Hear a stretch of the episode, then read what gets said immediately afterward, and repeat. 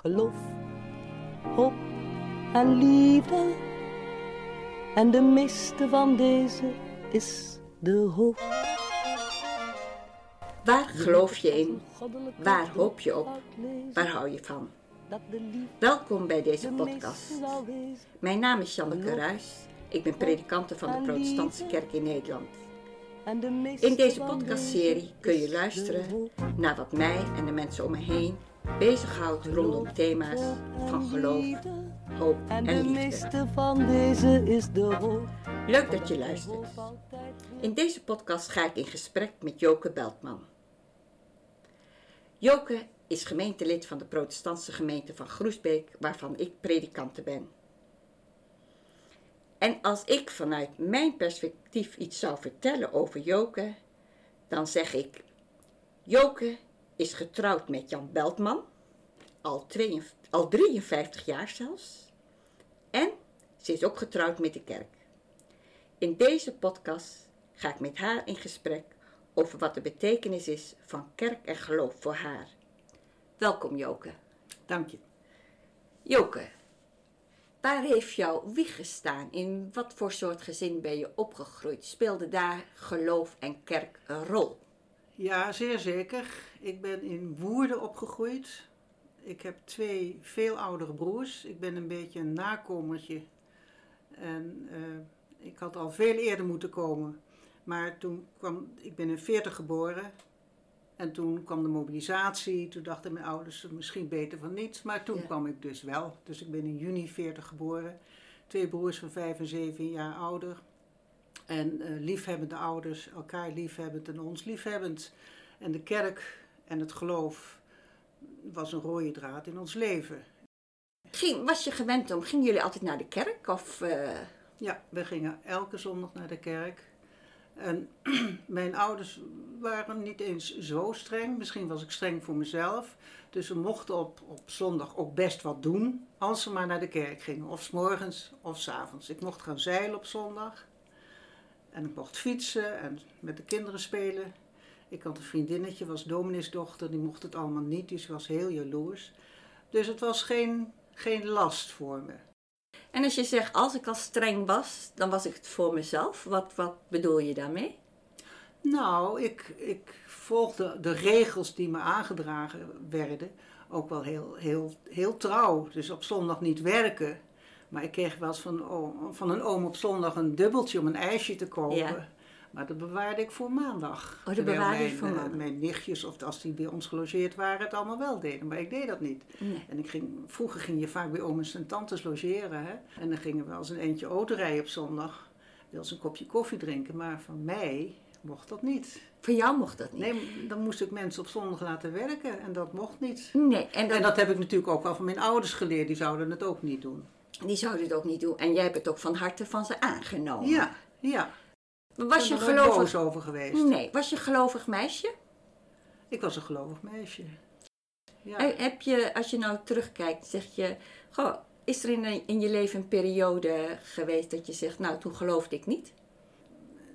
Nou, ik, nee, niet geloven is er niet geweest. De twijfels zijn natuurlijk wel toegeslagen vanaf mijn puberteit. En nou ik ouder word, denk ik soms wel eens dat het geloof steeds minder groot is. En je zegt, ze zijn toegeslagen, mijn twijfels vanaf de puberteit. Kun je nog herinneren, want het is natuurlijk al wel heel wat jaren terug, hoe die twijfels er toen dan uitzag? Wat Nou- vroeg je je toen af?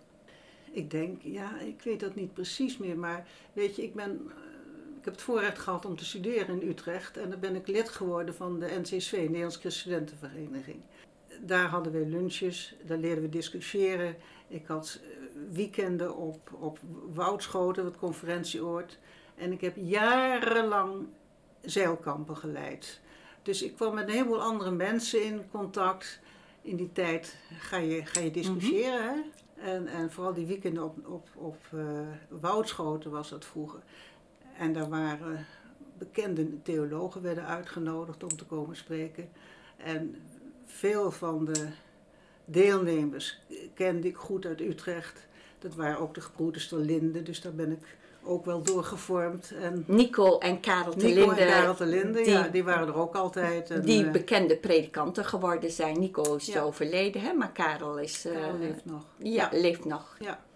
En er kwamen. Eh, er werden lezingen gehouden. Ik herinner je had een professor Hoekendijk en ehm, Breukelman. Breukelman, Dat ja. waren mensen die dan de weekenden kwamen. En dat heeft me toch wel aan, aan het anders denken gezet. Ja. En, en, en hoe anders? Ja, ik vond het toen ook allemaal nog wel moe.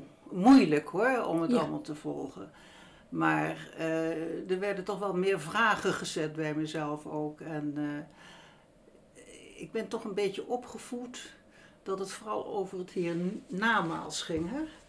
Je leefde om het eeuwige leven hierna te bereiken. Zo, Ja. Dat heeft bij mij toch ook altijd Ja. een rol gespeeld.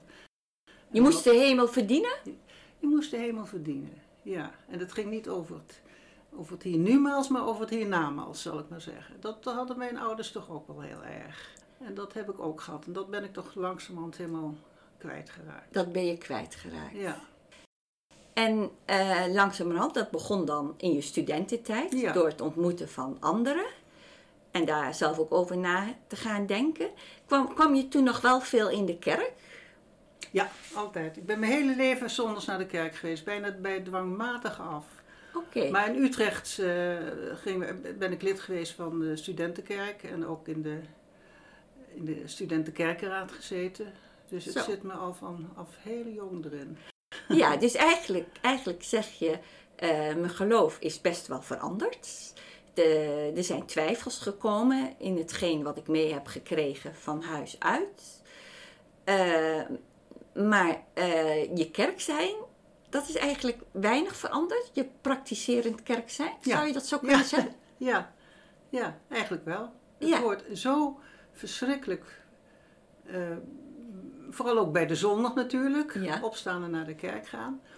Maar dat deden wij vroeger thuis ook altijd, 's ochtends. En dat is, ja, het is misschien een beetje, wat ik zei, bij dwangmatig af. Nou ja, dwangmatig eh, klinkt negatief. Je zou kunnen Nee, zeggen... ik beleef ook wel aan de, kerk, aan de kerkgang. Ik hou ook wel van vaste lijnen in mijn leven en vaste Ja. ritmes. Dus daar past het ook wel een beetje in. Maar de kerkgang, ja, vroeger als, als kind heb ik natuurlijk niks aan beleefd. Heb je er niks aan beleefd? Heb je geen herinneringen was van? niet, was niet te begrijpen. En ik zat daar, mijn vader had een, was kerkvoogd, dus die had een deftige plaats. Daar mocht ik naast zitten. Dat vond ik mooi, maar ik wist, ik weet, ik wist er niks van. Nee. Nee. En eh, wat ben je er later aan gaan beleven? Ehm, nou, heel langzaam is dat dan gegroeid dat ik wat minder dwangmatig hoef te zijn. En dat, ik, eh, dat het ook veel meer over het hier-nu-maals gaat. Ja, hoe, hoe je in het leven staat, eh, wat je doet en waarom je het doet, van waaruit je het doet. Het was vroeger, dat, dat had ik ook zo meegekregen, veel meer zo van, als we nu maar goed leven, dan krijgen we het pas echt goed. En daarin heeft dan ook, eh, in dat vormgeven van het hier numaals, heeft ook de kerk voor jou een constante rol ingespeeld. Ehm, dat denk ik wel, ja. Maar ook allerlei gespreksgroepen die ik in de loop van het leven. Ja, binnen de kerk. En eh, kijk, op een gegeven moment zei je. eh, in studententijd heb ik dus heel veel leren denken en veranderen en discussiëren. Eh, daarna begint je werkzame leven en dan krijg je kinderen. En, en dan ga ik een beetje in het vaste stramien nog voort. Maar later, ik moet je zeggen, ik woon al meer dan 40 jaar hier in Goesbeek, heeft de kerk hier in Goesbeek, wat een hele vrije kerk is, me heel veel geleerd. En veranderd ook. En, en kun je iets, iets opnoemen dat je zegt, nou daarin ben ik veranderd of dat heb ik geleerd? Ja, daar hebben wij het ook wel eens over. Maar ik weet bijvoorbeeld dat het avondmaal vieren ben ik, was heel streng en heel zwaar. En ik weet dat er bij ons in de kerk ook nog, hoe noem je dat, censuur, nou ja, moest je... Ja, zoiets dergelijks. Dan, dan, dan moest je een soort moest je gewetenstest doen. gewetenstest doen. Ik had een tante die dat nooit aan dorst doen. En dan zat je een heel stijf aan tafels gedekt en heel zwaar. En je beleefde er eigenlijk niks aan. Terwijl ik nu er een gemeenschap in voel. Ja. Om iets. Je bent op een gegeven moment eh, getrouwd. Je bent met eh, Jan getrouwd. Jan komt wel wat andere, is, is ook kerkelijk opgevoed, maar Jan wel is ook wat, kerkelijk opgevoed, maar vrijer, heeft dat invloed eh, op jou? natuurlijk. Ge- ja. En hoe? Losser. En ehm, heeft je dat ook een beetje bevrijd? Nou, in het begin vond ik wel eens van dat Jan te luchtig dacht. Ja. En daar had ik dan misschien wel eens moeite mee. Maar het, het, het geheel heeft me wel bevrijd. Ja, als je dat zo wil noemen. Ja, Ben je ook wat verloren? daar heb ik wel eens over nagedacht. Ja. Weet je, de duidelijkheid die je vroeger had. God bestuurde alles en er gebeurde niks buiten zijn wil om. En als je nou maar zo leefde, was het goed. Dat was duidelijk. Dat is natuurlijk nu niet meer zo. Er, Nee. er wordt nu veel meer een beroep op mijzelf gedaan. Begrijp je?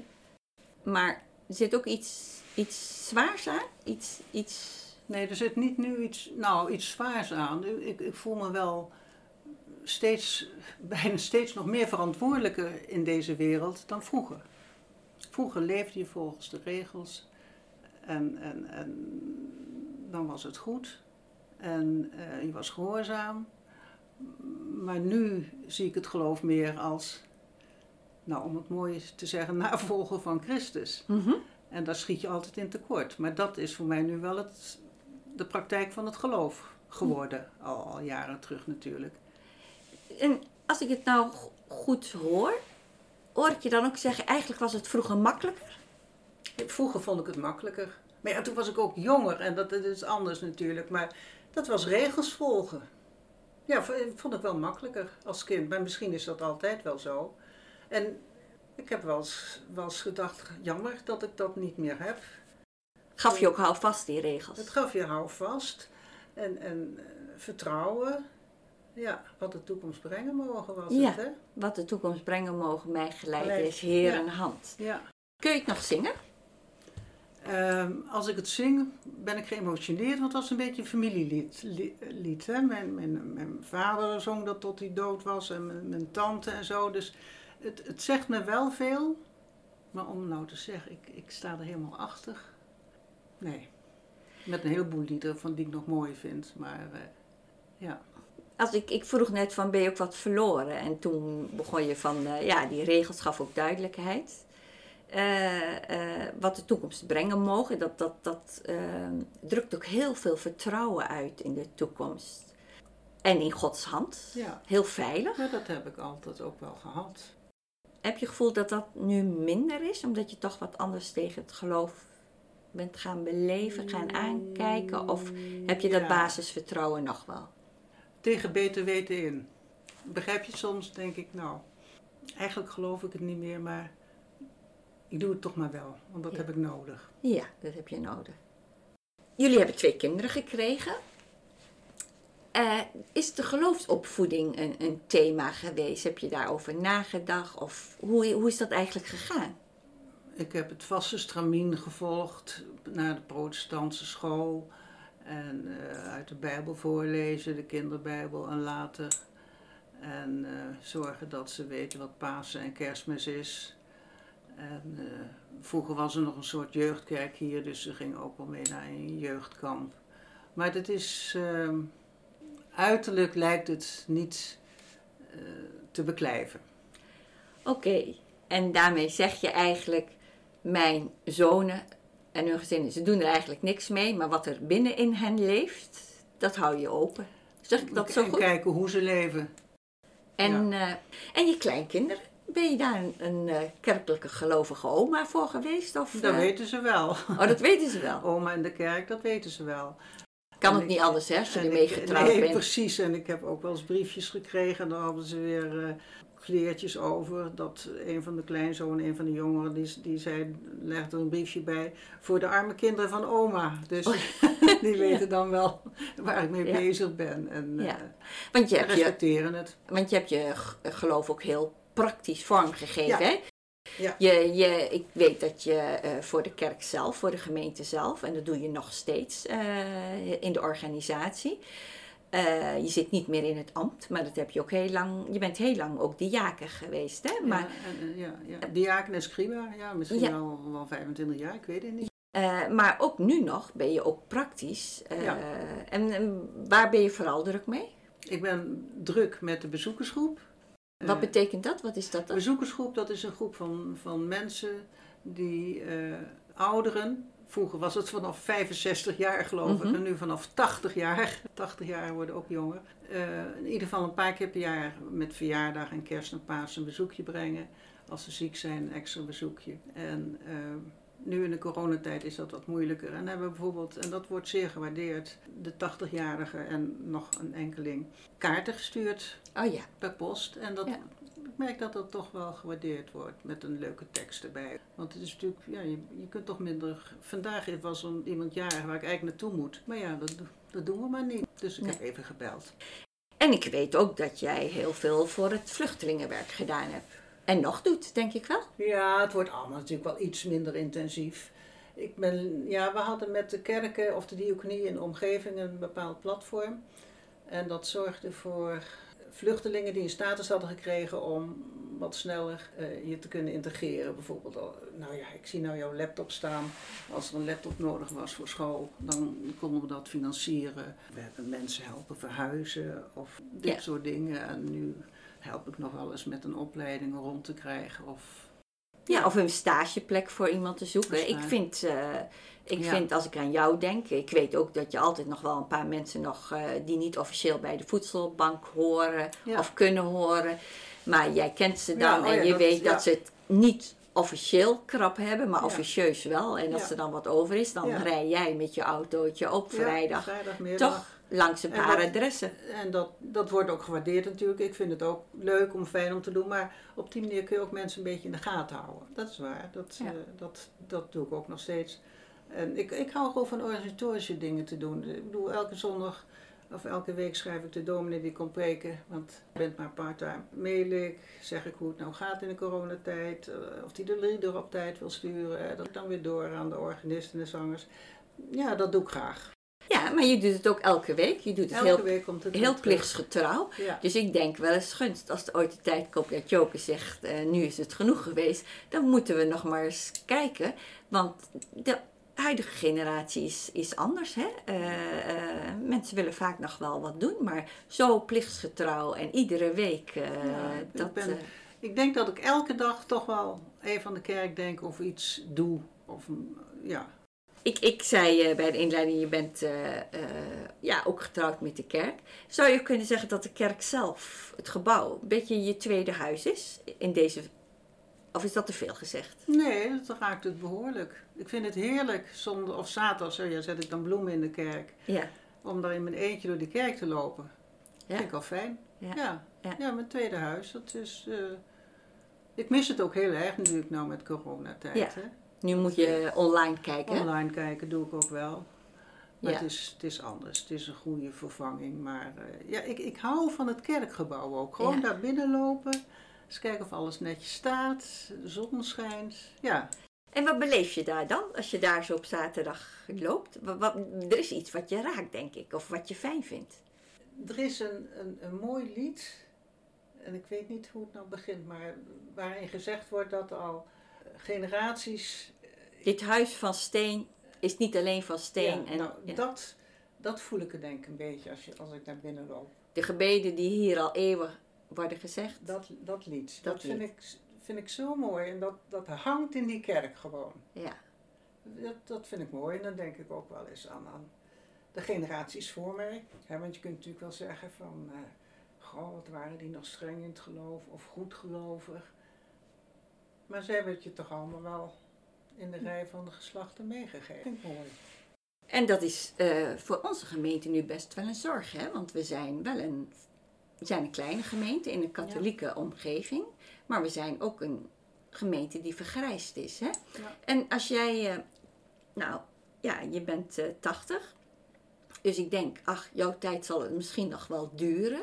Nou, als je 100 wordt, dan wordt het wel al een beetje krap misschien. Maar goed, we weten de toekomst niet. We weten niet wat voor onverwachte dingen er nog op ons gemeentepad kunnen komen. Maar als jij nu eh, een, eh, een wens of een droom had voor dat tweede huis van jou, voor de gemeente, wat, wat zou dat zijn?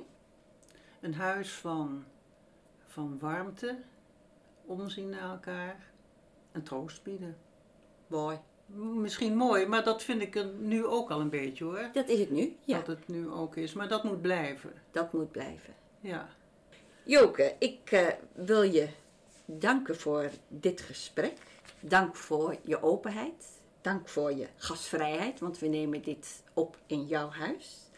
En eh, ik wilde vragen eh, of je een kaarsje zou willen aansteken. En voor wie of wat je dat dan zou willen doen. Wil je dat? dat wil ik graag, want ik steek elke ochtend als ik opsta een kaarsje aan. En dan brand ik een kaarsje. Ik heb hem even hier meegenomen in een soort zeilboot. Want ik had het net over die NCSV. Daar heb ik vroeger heel veel zeilkampen geleid. Ook als, heet je dan admiraal. En dan had je een, een kampgeheim. En dat NCC bestaat niet meer. En daar heb ik een heel verhaal over gevonden. En dat kampgeheim was, al zeilende heb je natuurlijk bakens. En eh dan moet je je op richten, anders kom je niet thuis. En het kampgeheim was Obizo. Ons baken in storm on, onwrikbaar. En Mooi. dat baken was dan Jezus. Die moesten wij volgen. Mogen wij volgen. En elke ochtend steek ik nu in dit kandelaartje, wat een zeilbootje is, een kaarsje aan.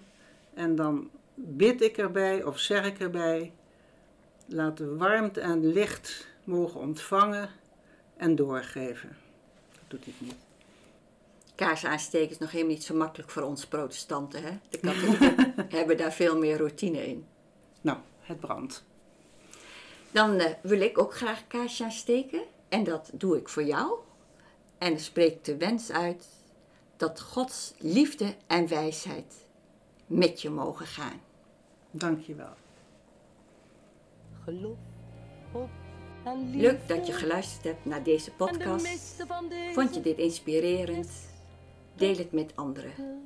En voor nu, fijne dag of fijne nacht. Hop op geloof in de liefde. Hop op geloof in de liefde. Hop op geloof in de liefde. Hop op, geloof in de liefde. Hop op, geloof in de liefde.